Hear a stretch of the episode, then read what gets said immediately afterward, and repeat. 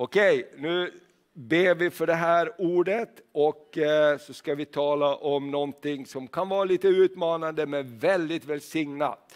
Det handlar om att vi ska prata idag om helgelse och omvändelse.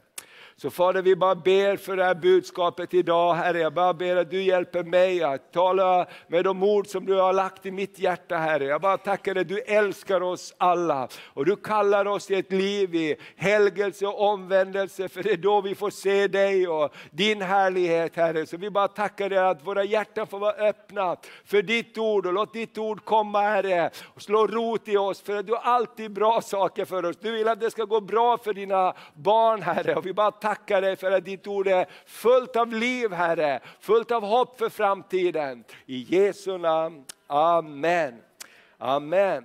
Okej, okay, så vi talar den här hösten om olika teman och vi gör det egentligen utifrån materialet som heter Välkommen till Svedjeholmskyrkan. Det finns också på hemsidan eh, och jag har också satt där ute eh, nedanför tvn på utsidan finns det tio stycken om du vill titta på. Och där står det både om vår tro, och med både om moral, etik, vad vi står i, i olika frågor. Och där i finns också de här punkterna vi går igenom den här hösten om eh, om de här nio olika områdena som handlar om tillväxt och eh, faktiskt eh, Doktor Karl-Erik Salberg han är hemma nu, han doktorerar i kyrkotillväxt och han studerar kyrkor över hela världen. Vad är de gemensamma nämnarna som gör att församlingar växer? Oberoende om de är karismatiska eller inte. Vad finns det i de församlingarna där Guds, Guds närvaro finns? Och det han kom fram till, eh, och, och det här är förenat också med många andra studier,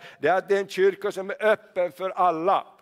Amen. Och vi vill vara en kyrka som är öppen och välkomnar människor. Bryr sig om människor i nöd. Det finns ett hjärta för människor. Inte bara att kom hit, men hur, vad kan vi göra för dig? Hur kan vi gå tillsammans? Det tredje är att det är en kärleksfull gemenskap där Jesus finns. Och det som Tyler predikade om förra söndagen här, att ha Jesus i centrum, en församling som har Jesus i centrum, då faller många andra saker på plats också. Därför om han är i centrum så ser vi, vi behöver alla Jesus i det här rummet, eller hur?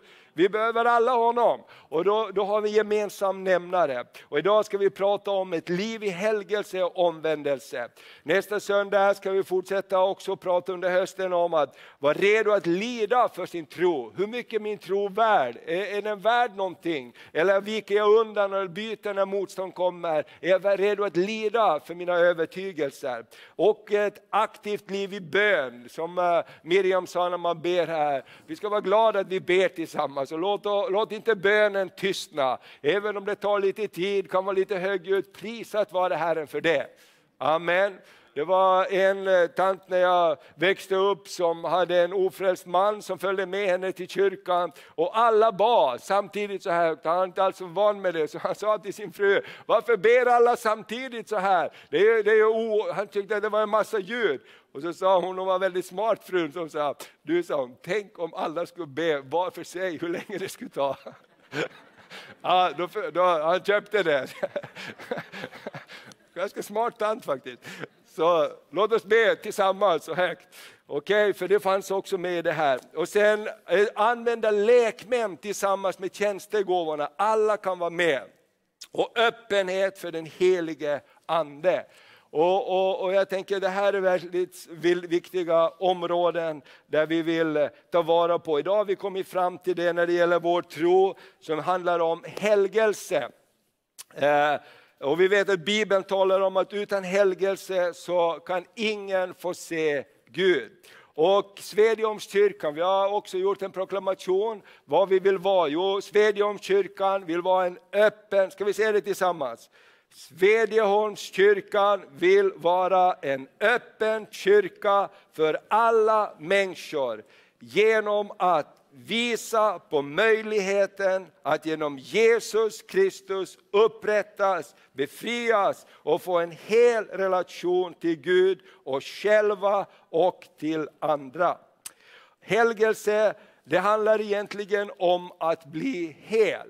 Eh, för i och med syndafallet så kom syndens gift in i världen och vi är alla eh, eh, på något sätt berörda av det giftet som synden ger. När du blir arg och när du brusar upp eller när jag gör det eller man gör någonting annat som inte känns bra. Det är en effekt av synden. Därför Gud är kärlek, eller hur? Gud är frid, Gud är harmoni, Gud är tålamod. Och när vi gör saker som vi känner, det här vill jag inte göra, det här är inte bra, så är det också ett tecken på att det finns någonting annat som är bra. Eller hur? Eller vad? Det, det, det, finns någonting som Gud har förberett i frälsningen som han vill ta oss tillbaks till. Och därför måste vi alla erkänna vårt beroende av Gud. Och som vi hörde förra söndagen, Jesus i centrum. Vi behöver alla Jesus, därför vi är alla på något sätt berörda av det här giftet som finns i synden. Och det finns i luften runt omkring oss hur fina vi än är, så, så finns det saker som kan trigga igång det som inte är så positivt i oss. Är det någon som har märkt det med dig? Den senaste veckan kanske till och med. Så här, uh. Okej. Okay. Så helgelse handlar egentligen om att bli hel igen. Helgelse i egen kraft leder till egen rättfärdighet.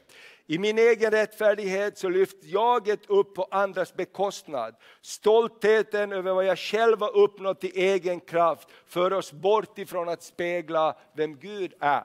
Och det är det som är religion. Religion vill att vi alltid ska ha dåligt samvete. För du är aldrig riktigt tillräckligt bra. Helgelse handlar inte om frälsningen. Helgelse handlar om att bli mera Kristuslik på min vandring. Det spelar ingen roll hur mycket helgelseaktiviteter du gör, du blir inte mer eller mindre frälst av det.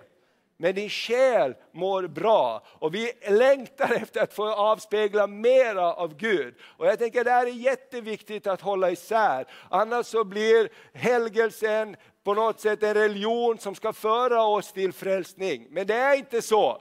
Genom Jesus Kristus har vi tagit emot det Jesus gjorde på korset. Hans blod köpte oss fri. Amen. Och vi har blivit nya skapelser i Kristus Jesus, trots att vi inte är fullkomliga. Men vi vill bli mera Kristuslika, vi vill komma till honom så vi kan avspegla mera av honom. Amen. Så det här var bra Anders, tack Jesus fick jag därifrån, det var bra.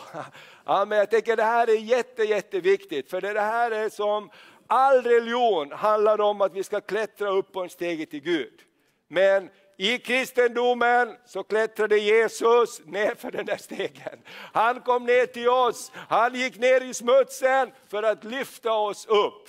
Medan vi alla var syndare så tog han straffet på sig. Och det är jättestor skillnad och det är det som är kärnan i kristendomen. Och när Satan eller fienden kommer emot oss och säger att du är inte bra, du är inte tillräckligt bra, så måste du lyfta någonting som är starkare, Guds ord. Jag är friköpt genom Jesu blod.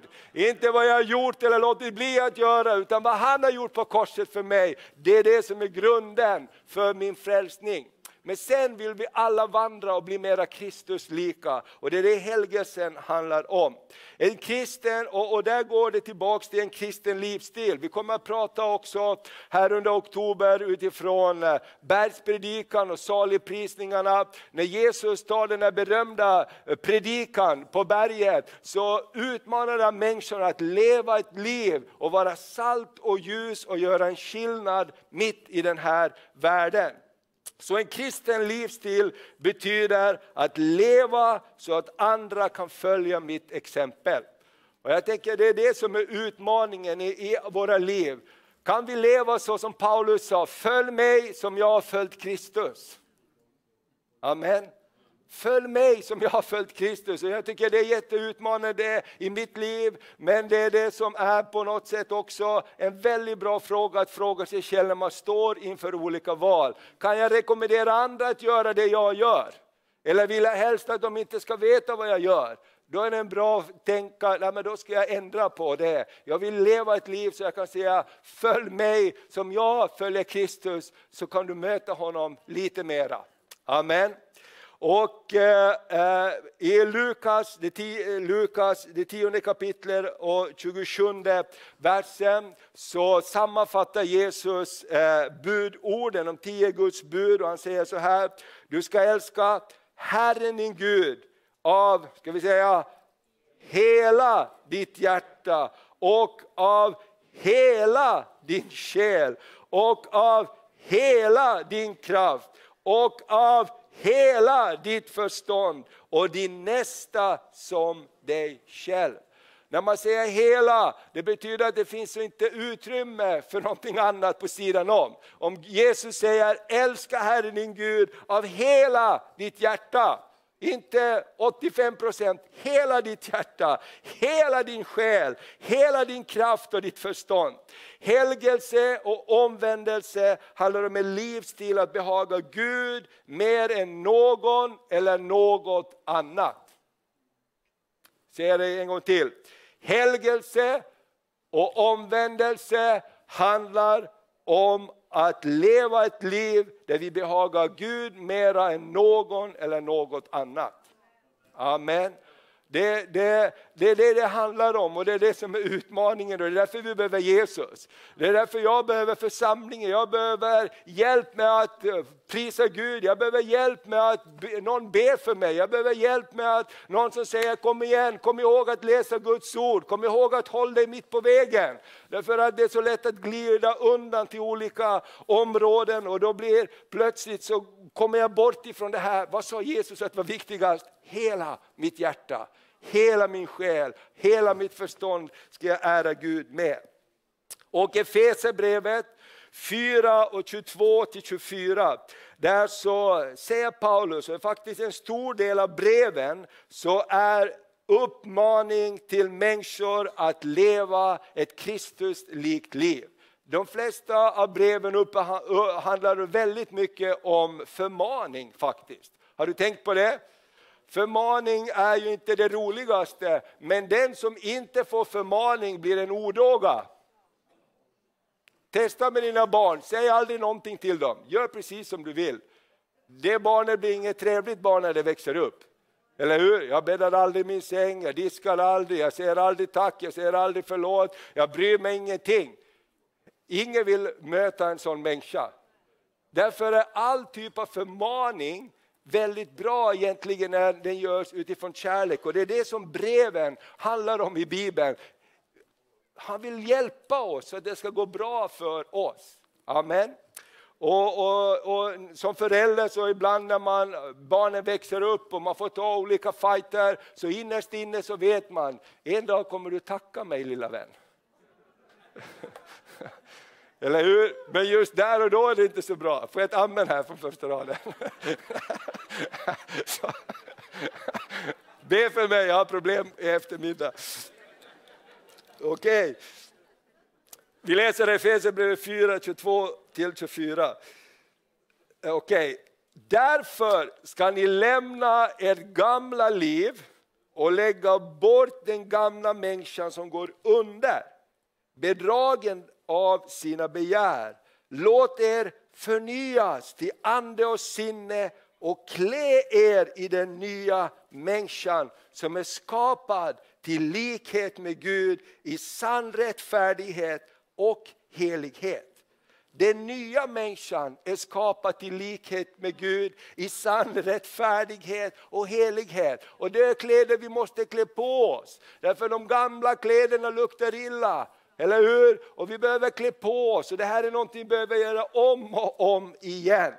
Och, och eh, Vi ska gå vidare här, jag har flera bibelord idag som vi ska läsa. Så den första punkten jag vill eh, tala om, Eh, jag har tre punkter som alla goda predikningar har. Den första är helgelse av nåd.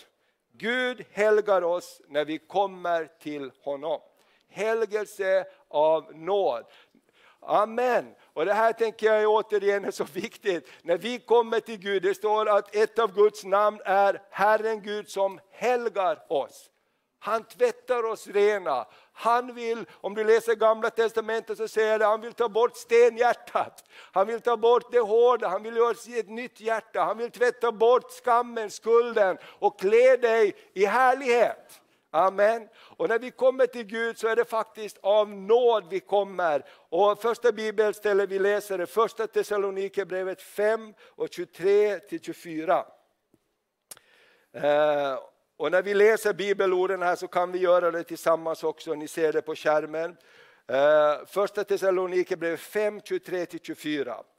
Är du med?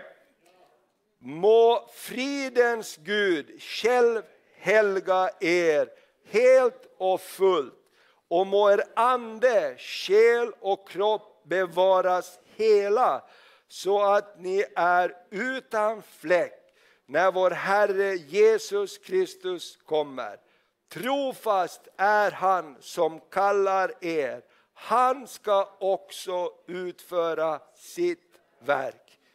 Vilken underbar vers! Ska vi ta den en gång till? Är du med?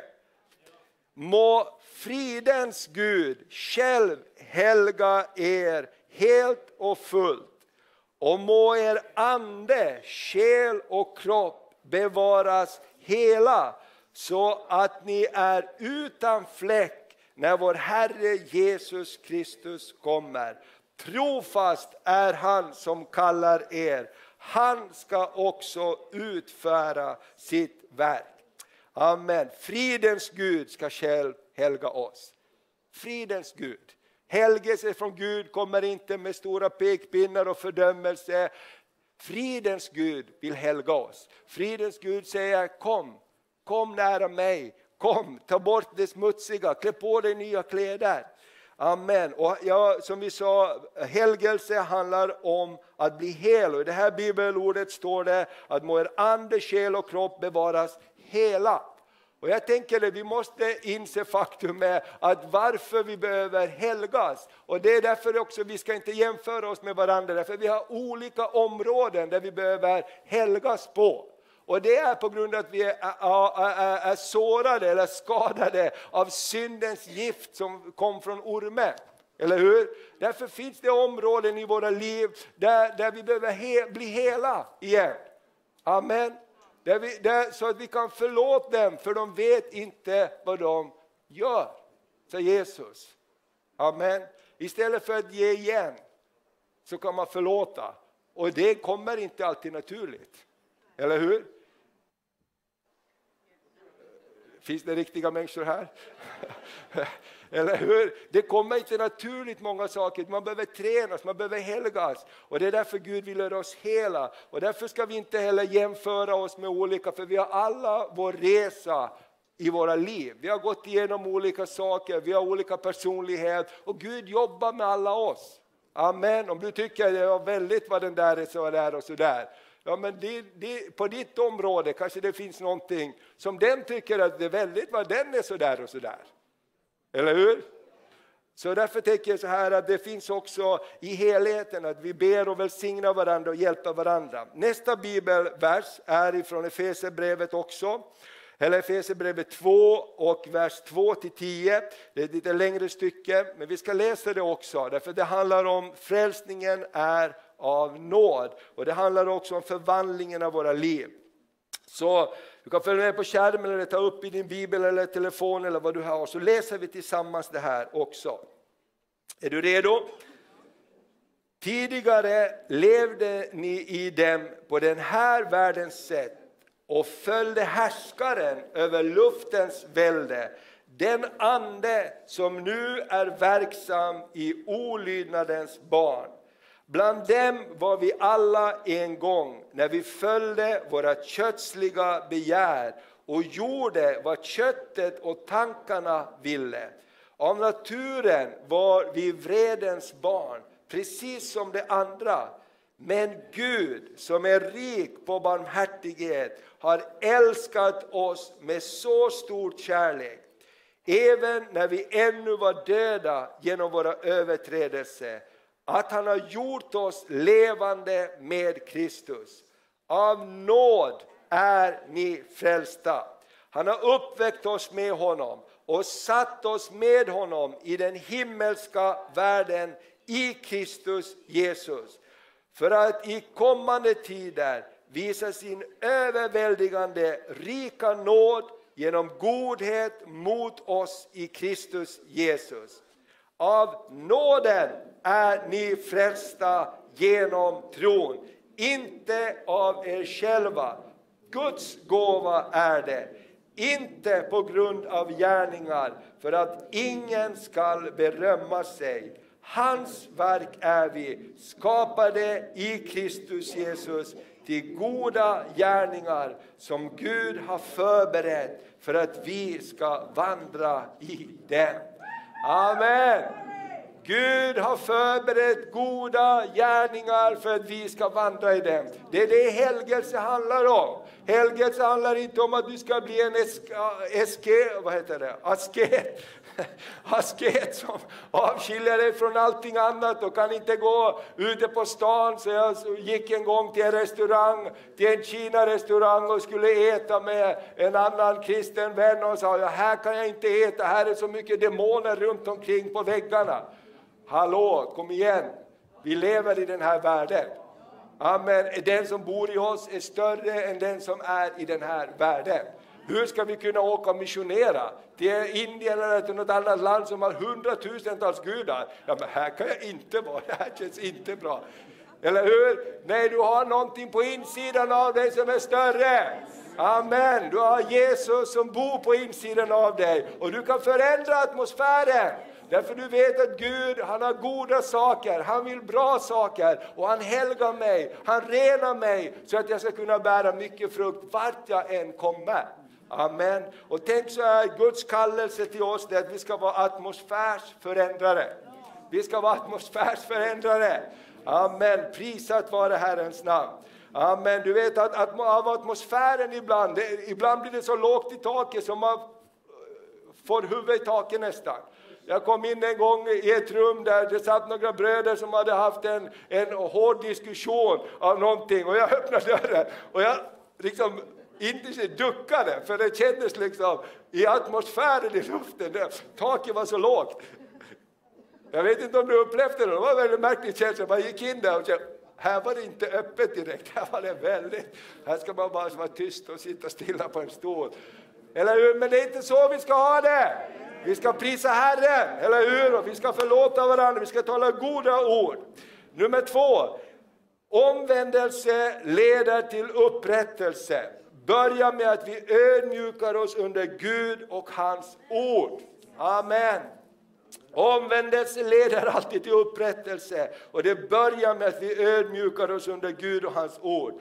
Du vet stoltheten, det är roten till all synd.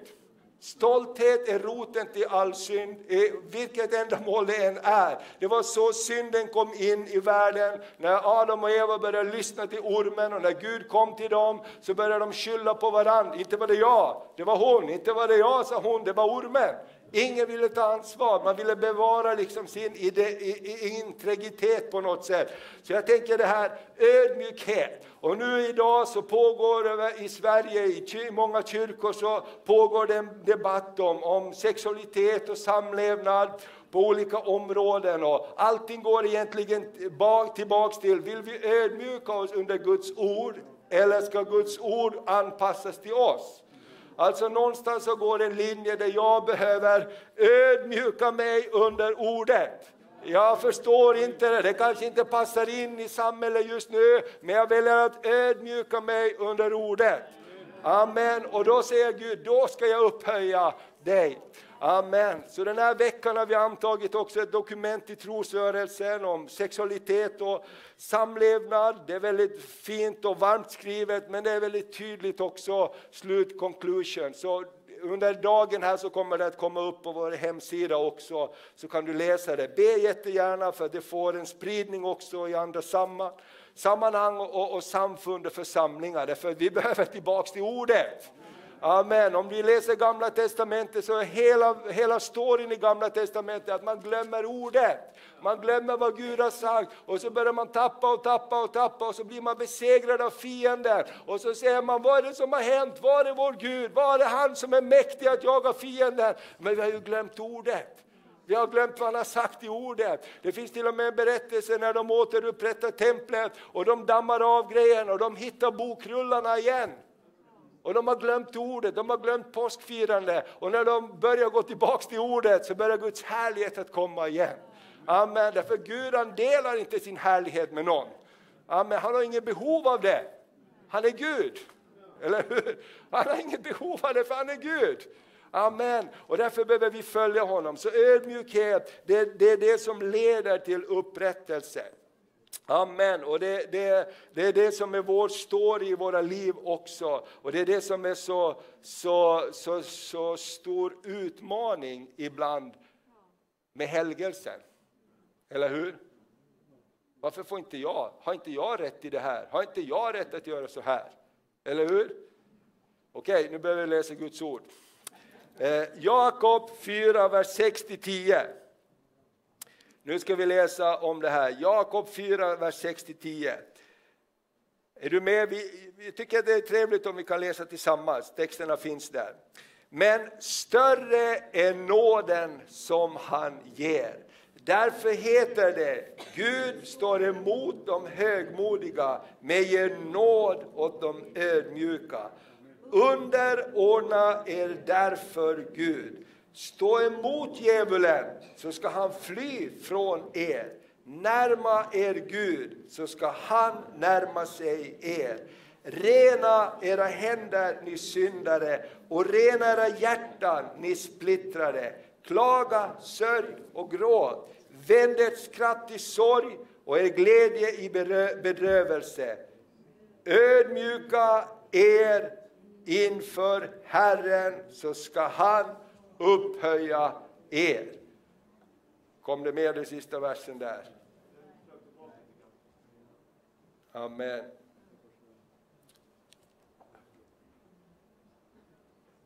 Ordet försvann på vägen. Amen. Okej, okay. ödmjuka er i slutklämmen inför Herren så ska han upphöja er. Ödmjuka er inför Herren så ska han upphöja er. Amen. Och tänk igen, Guds hjärta är aldrig att jag ska sannerligen trycka ner dem där. Eller hur? Guds hjärta är aldrig så till sina barn. Guds hjärta är alltid, jag vill lyfta upp mina barn. Jag vill att det ska gå bra för mina barn. Jag vill klä dem i ära och härlighet. Jag vill att det ska vara välsignat. Amen. Gud vill välsigna dig. Kan du säga det till din granne? Gud vill välsigna dig. Gud vill ingenting annat. Han vill bara ta en till och säga Gud vill välsigna dig. Amen. Prisat vare Herrens namn. Amen. Och det är det helgelsen handlar om. Att få komma närmare Herren, ödmjuka sig inför honom. Närmar Gud så ska han närma sig er. Vi tar nästa bibelvers som är Jesaja 61 och vers 1. Och eh, det här finner vi också i Lukas. När Jesus börjar sin tjänst så proklamerar han det här ordet utöver sin, sin, sin tjänst. Och så står det så här i Jesaja 61 och 1. Herren, Guds ande, är över mig. För Herren har smort mig till att förkunna glädjens budskap för det ödmjuka. Han har sänt mig att förbinda dem som har förkrossade hjärtan, att utropa frihet för de fångna och befrielse för de bundna. Amen. Till vem kommer glädjens budskap? Till de ödmjuka. Amen. Gud har goda saker han vill ge till oss. Och smörjelsen vill bryta förbannelse över våra liv. Men så länge vi går på våra egna vägar så kan inte Herren välsigna de områdena i våra liv. Därför behöver han rensa bort saker. Jesus sa varje gren som inte bär frukt, så den vill jag såga bort så att de andra grenarna kan bära ännu mera frukt. De områden i våra liv som inte behagar Gud, som inte ödmjukar oss under Gud, de är inte fruktbärande. Och vet du vad Bibeln säger? Det spelar ingen roll hur bra det ser ut just nu, för att i längden kommer det att visa sig. Du vet det står så här att ibland så säger psalmisten så här, varför går det de ogudaktiga så väl? Har du läst det? Varför ser det ut att det bara går bra för alla som inte bryr sig om Gud? Men Gud säger, vänta och se. Vänta och se. Och därför, precis som Sadrak, Mesak och Abednego, som sa inför kung Nebukadnessar, han sa om ni inte böjer er så kommer ni brinna. De sa, spelar ingen roll om vi brinner eller inte, vi böjer oss ändå inte. För de hade någonting högre, någonting större. Och det är det som är så fantastiskt att vara en troende på Jesus Kristus. Det är inte bara här och nu, det är här och nu, men det är hela vägen till himlen. Amen. Det är hela vägen hem. Amen, det finns någonting större, det finns någonting mer vi lever för. Och vi blev bara påminna här om det i veckan, vi pratade om, om när vårt hus brann och den här reporten gjorde de här, eh, skrev om det och han var så, för, han var så förvånad, han, han bara sa det gång på gång, jag förstår inte hur, hur, ni kan, uh, hur ni kan klara er igenom det här när ni har mist alla era grejer. Och Maria sa, jo men det finns någonting annat att leva för. Det finns någonting annat att leva för. Ingen har dött. Vi har bara mist materiella saker. Det finns någonting annat att leva för. Och jag tänker låt oss aldrig, aldrig, aldrig glömma det. Det finns någonting annat att leva för. Och precis som jag har sagt förut, den här meningen som har utmanat mig så mycket. Gud, ändra mitt hjärta mer än mina omständigheter. Jag tycker den är så, den bara kär in i mig varje gång jag tänker på den. Ändra mitt hjärta Gud mer än mina omständigheter. För kanske 90 procent av våra böner ibland är Gud ändra den saken, ändra den saken, hjälp mig med den saken, hjälp mig med den saken. Bara det blir bra så blir jag lugn. Det är inte sant. Eller hur? För det kommer hela tiden nya grejer. Och därför vill Gud ändra våra hjärtan. Gud ändrar mitt hjärta så att vad jag än möter så har jag en annan syn på det jag möter. Du kommer att vara med. Du kommer att bana en väg. Wow, tack Jesus. Ett bibelord till på det här. Omvändelse leder till upprättelse. Eh, Apostlagärningarna 26, vers 19 och 20. Det är Paulus som berättar om sin kallelse. Han berättar om den syn som mötte honom när han var på väg för att döda och ta till fånga de som trodde på Jesus. Det står att han andades modlust och hat. Men Jesus mötte honom på vägen till Damaskus. Och så står det så här i Apostlagärningarna 26, vers 19 och 20. Vi får gärna läsa tillsammans. Därför, kung Agrippa, har jag inte varit olydig mot den himmelska synen jag har predikat först i Damaskus och sedan i Jerusalem och hela Judeen och även ute bland hedningarna att de ska ångra sig och omvända sig till Gud och göra gärningar som hör till omvändelsen. Amen. Vad var den där synen som präglade hela hans liv? Jo, att han som var full av hat och mordlust kunde bli förlåten när han vände om. För han mötte någon och han sa, vem är du? Jag är den Jesus som du förföljer. Och det sa att han föll ner på sitt ansikte och han omvände sig. Paulus omvände sig och hans budskap var, omvänd er, tro evangelium, så ska tider av nåd komma över er. Amen, han tog förbannelsen över mitt liv, han tog hatet bort ifrån mitt liv, han gav mig hopp och det är därför jag står här kung Agrippa. Och jag tänker inte sluta att stå här. Jag kommer att predika så länge ni är i fängelse inte, så kommer jag aldrig sluta vittna om den nåd som mötte mig. När jag omvände mig. Amen. Så omvändelse, ödmjukhet, det handlar om helgelsen. Och tänk på sista, sista raden här. Och göra gärningar som hör till omvändelse. Det är det som är helgelse, gärningar som hör till omvändelse. Du vet Johannes döparen, han stod och predikade och han blev väldigt poppis. Ibland kan märkliga grejer bli poppis. Det står att han åt gräshoppar och klädde sig i kläder av kamelhår ute i öknen och alla kom för att höra på honom. Och, och, och det blev nästan lite poppis och eh, Johannes sa så här, gör också de gärningar som hör till omvändelsen. Ni kan inte tänka att ni bara kommer hit och blir döpta och hör på ett budskap. Gör också de gärningar som hör till omvändelsen. Och det är det som är helgelsens väg egentligen. Herre hjälp mig att mer av dig kan komma ut ur mig. Eller hur? Hjälp oss så att mer av dig kan återspeglas genom mitt liv och genom våra liv. Okej, den tredje och sista punkten. Hur tycker ni det går med det här budskapet om omvändelse och helgelse? Ja, ja, men det är utmanande, men det är en av de sakerna som man kom fram till i den här undersökningen över hela världen, där man talar om omvändelse och helgelse, där finns Gud mitt ibland dem. Eller hur? Och därför behöver vi alltid korrigera oss och ta det här emot oss, ta det här till oss. Den sista punkten, utan helgelse kan vi inte se eller möta Gud. Vi kommer att läsa några bibelverser här och det kommer att vara jätteklart och tydligt att Gud har sagt jag är helig och vill ni komma till mig så måste ni ha den attityden att ni vill ödmjuka er, omvända er, helga er för att möta mig. Och det här är någonting som pågår hela tiden i vårt liv. Det går inte att säga ja 30 år sedan då helgade jag mig. Eller hur? Helgelse är färskvara. Eller hur? Helgelse är färskvara hela tiden. Och det är därför vi behöver Gud så, så otroligt mycket. Så vi läser först i Hebreerbrevet, det tolfte kapitlet. Så vi har två bibelställen att läsa innan jag avslutar här. Ni kan komma upp om ni vill. Ja. Okej, Hebreerbrevet 12, 10-14. Ska vi läsa tillsammans så startar vi nu. Våra fäder fostrade oss en kort tid som de tyckte var rätt.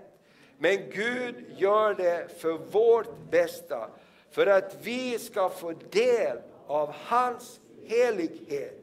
För stunden verkar ingen fostran vara till glädje, utan snarare till sorg. Men för dem som har tränats genom fostran ger den längre fram frid och rättfärdighet som frukt. Styrk därför kraftlösa händer och svaga knän. Gör stigarna raka för era fötter så att den haltande foten inte går ur led utan istället blir frisk. Sök frid med alla och helgelse för utan helgelse kommer ingen att se Herren. Wow, vilka ord! Visst är det bra bibelord? Jag tycker det här är helt otroligt. Ingen fostran verkar för stunden vara rolig, men i längden så bär den en god frukt. Utan helgelse kan vi inte se Gud. Vi ska ta ett till bibelord och avsluta med det. Det första Thessalonikerbrevet kapitel 4, vers 1-8.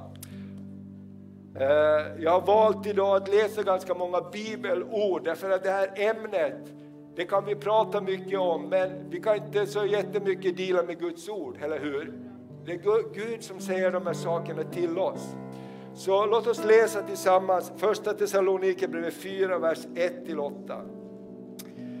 För övrigt bröder har ni lärt er av oss hur ni ska leva för att behaga Gud. Och det är ju så ni lever. Nu ber vi er och uppmanar er i Herren Jesus att göra det ännu mer. Ni vet vilka föreskrifter vi har gett er från Herren. Detta är Guds vilja, att ni helgas så ni avhåller er från sexuell omoral och att ni var och en vet att vinna er en hustru på ett helgat och hedervärt sätt. Det får inte ske i lidelse och begär som bland hedningarna som inte känner Gud, så att någon går för långt i denna sak och kränker sin broder. Herren straffar allt sådant. Det har vi redan sagt och betygat för er. Gud har inte kallat oss till orenhet utan till ett liv i helgelse. Den som avvisar detta avvisar alltså inte en människa utan Gud som ger er sin helige Ande. Ska vi läsa det där sista igen? Herren straffar allt sådant. Det har vi redan sagt och betygat för er. Gud har inte kallat oss till orenhet utan till ett liv i helgelse. Den som avvisar detta avvisar alltså inte en människa utan Gud som ger er sin helige Ande. Wow! Så att leva ett liv i helgelse är ett liv där jag vill behaga Gud mer än mig själv. Jag har en annan devis i mitt liv som jag lever efter också. Det är så här, när jag gör mera det jag vill göra än det jag vet att jag behöver göra, så går det utför i mitt liv det, det, det är en enkel sak. Men det är någonting som har fastnat i min hjärna. När jag gör mer av det jag vill göra än det jag vet att jag behöver göra, så går det sakta utför. Vet du vad? Helgelse är ingenting man vill göra. Det är inte så här, wow, idag ska jag helga mig. Det ska bli så fantastiskt kul att omvända mig och be om förlåtelse och, och kriga mot de här tankarna och sakerna. Wow, eller hur? Det är inte så. Det är en kamp och ibland måste man be om hjälp att, att kämpa den där kampen. Ibland måste man bara stänga av saker för att inte det som är orent ska fånga en. Ibland så, så måste man bara bestämma sig att jag, jag tittar inte på olika saker. Har du problem med internet så stäng av internet vissa tider under dygnet. Fly! Eller hur? Det är bättre att fly än att illa fäkta. Jag tänker så här, det Jesus har gett oss är så dyrbart. Och jag vill inte, jag vill inte smutsa ner min bägare. Jag behöver få den tvättad många gånger, men jag vill jobba för att min, min bägare ska vara ren. Så det kan vara för hedersamt bruk. Och jag tror att det här är någonting som vi alla kan utmanas med. Så ska vi ställa oss upp så ska vi avsluta här. och... Eh, Titta gärna på det här igen om du vill och läs de här bibelorden. Jag tänker att Herren vill helga oss så vi kan bära ännu mera frukt. Så vi kan bära hans härlighet. Och jag tänker så här, vad har vi som församling som kan förändra den här världen? Det är inte hur smarta vi är, det är inte hur duktiga vi är på allt sätt, utan det är Guds ande. Det är Guds kraft, det är den befriande kraften som kommer från Jesus som kan förändra, eller hur? Det bojorna kan brytas och det är inte vi som kan bryta, bryta bojor, det är Guds ande som kan göra det. Amen. Amen. Vi bara tackar dig Herre för den här stunden Herre. Vi bara tackar dig för ditt ord, tack att det är fullt av liv. Herre du ser våra liv och jag bara tackar dig för att det här budskapet är inte för att sätta fördömelse på någon utan för att locka oss till ett liv som behagar dig ännu mer Herre. Och vi bara säger till de här onda andarna som försöker ta modet och glädjen bort ifrån våra liv och säger att vi duger inte. De är lögnandar. Gud kallar oss till omvändelse för att upprätta oss, för att klä oss i skönhet och härlighet. Jesus, du var, du, det står att du var smord med glädjens olja mer än dina medbröder. Åh, du gjorde ingen synd, du har levt ett heligt liv, men du var fylld av glädjens olja. Och jag bara prisar dig att vi ska ha en längtan efter dig Fader. Tack att människor som kommer till Svedjeholmskyrkan ska få en längtan efter dig Herre. Mer av dig Herre och hjälp oss i våra vardagsliv att återspegla mer av dig Herre. Tack för din befriande kraft Herre. Tack för din befriande kraft Herre. Tack att du bryter oket av skuld och skam. Åh, tack att du bryter oken Herre. I Jesu namn, du kommer med liv och helighet Herre. Åh, vi bara tackar dig Fader, vi bara tackar dig Herre. Åh, vi lovar dig Herre, vi lovar dig Herre, vi lovar dig Herre, vi lovar dig Herre.